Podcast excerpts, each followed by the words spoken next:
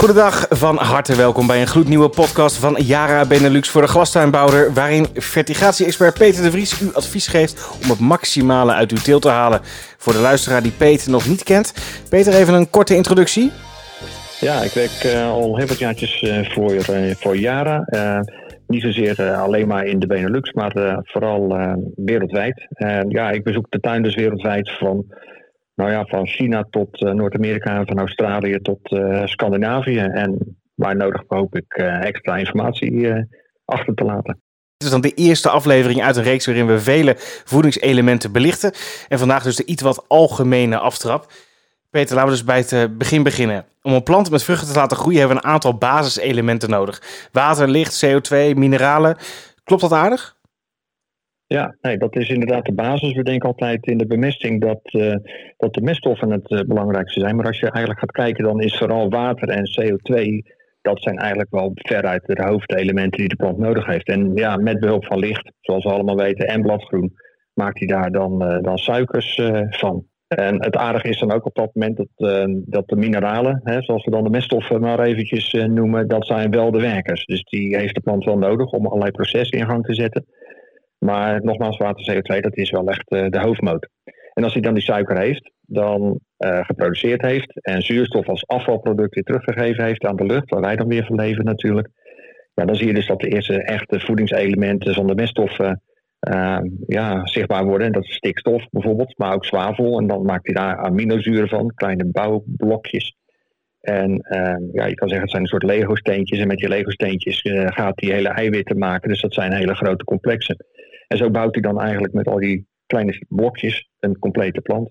Dan noem je al een aantal voorbeelden van een aantal elementen. Uh, maar zijn dat dan ook de meest belangrijke voedingselementen?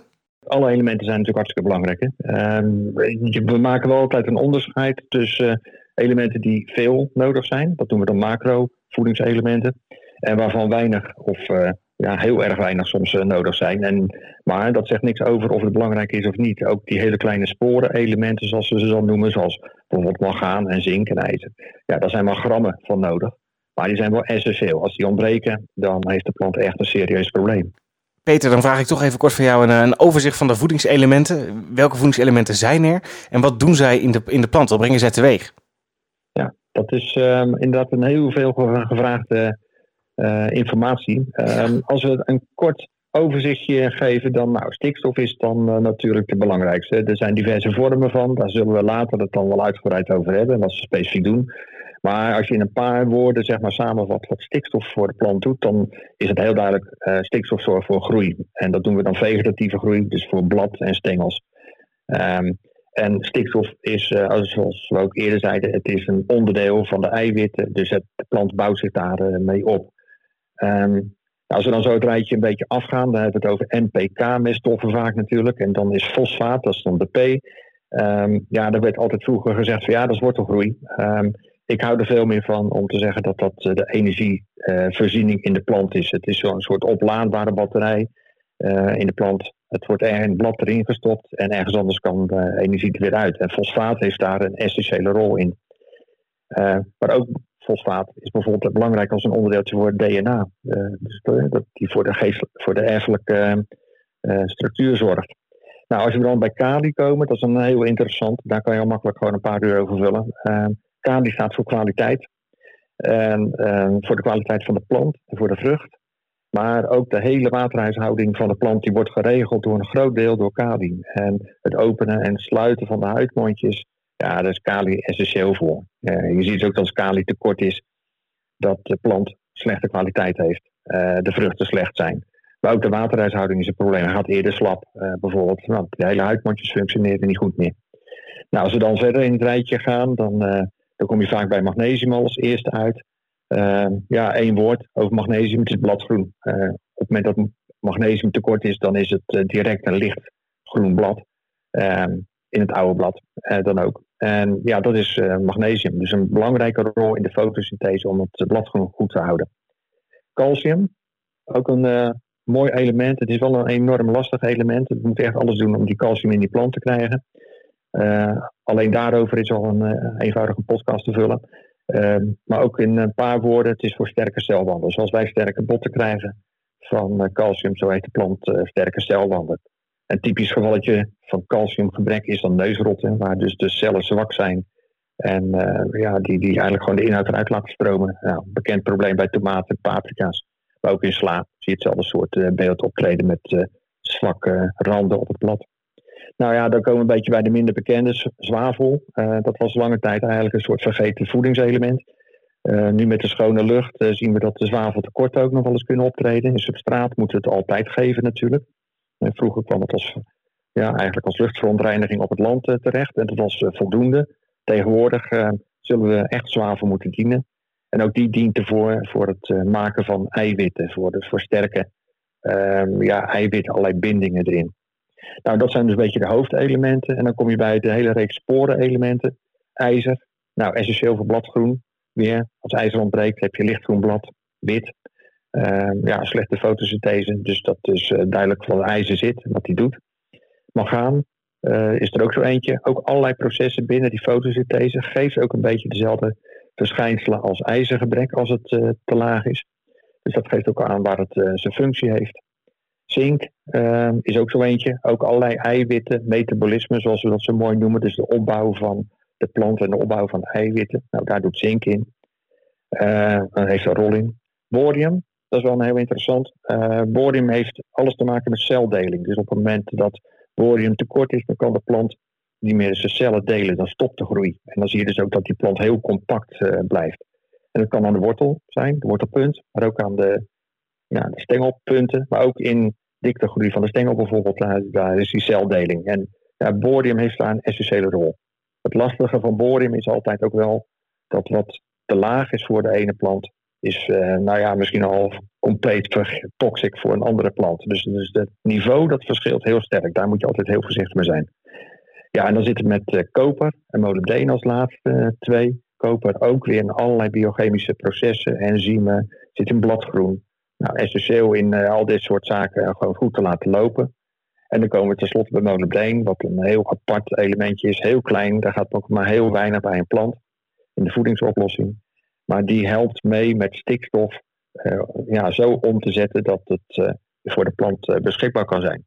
En dat betekent dat je geen molybdeen hebt, dat je eigenlijk een soort stikstofgebrek gaat krijgen. En dan heb je geen stikstofgebrek, maar de stikstof wordt gewoon niet omgezet. En daarom zie je dus een soort stikstofgebrek effect ja, dat is molybdeen. Heel klein elementje, maar wel essentieel.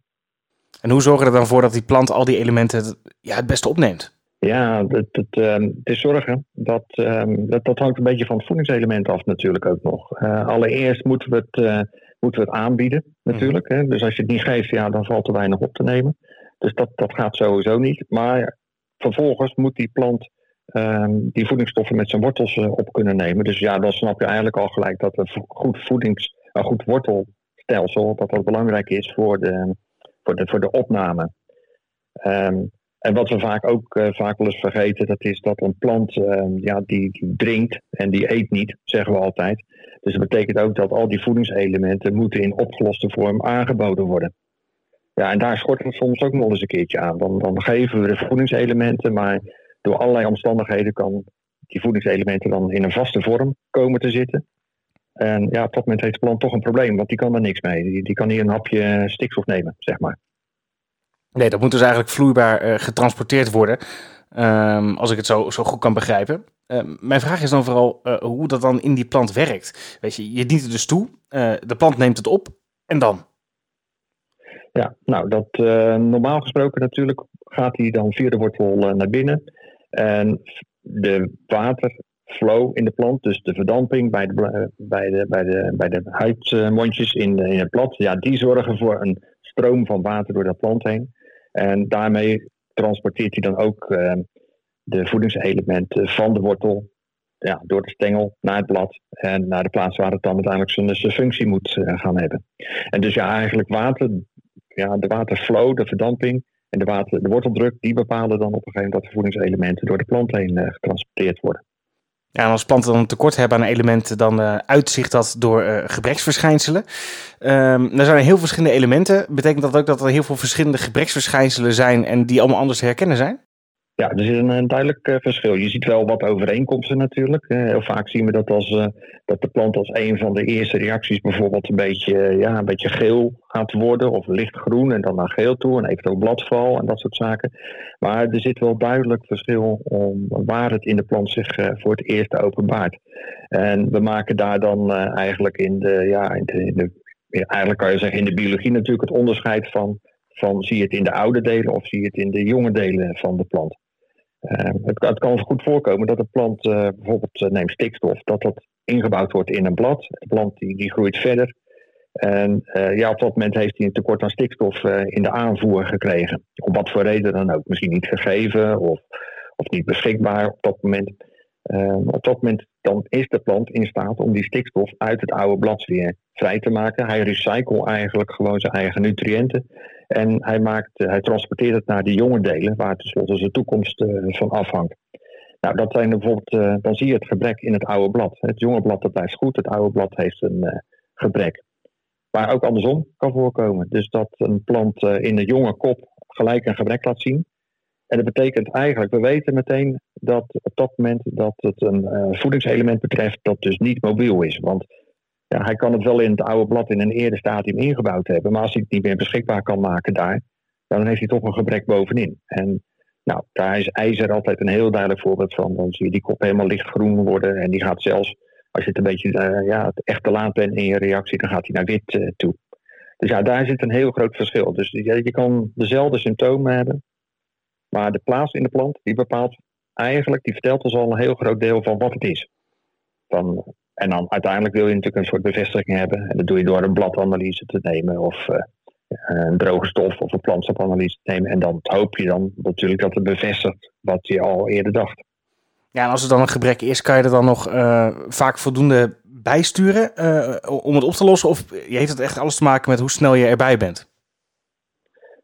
Dat hangt er vanaf, uiteraard, in, in welk stadium je zit. Ja. Uh, als er een normaal, laten we zeggen, in een vroeg stadium dat je wat ziet, en dan is het ook wel lastig, want dan lijken alle verschijnselen toch redelijk op elkaar. Mm. Uh, dus in dat geval is bladanalyse natuurlijk uh, een heel handig hulpmiddel. Nee, maar dan is er nog zeker wel bij te sturen. En dat kan via vertigatie, hè, dat kan via de wortel. dat is ook de belangrijkste manier om voedingselementen in die planten te krijgen. Daar is die wortel ook opgebouwd. Daar is die plant ook op ingesteld. Maar ja, we kunnen sporenelementen ook prima als uh, bladbespuiting geven. Waarbij we dus een lage dosering op het blad geven.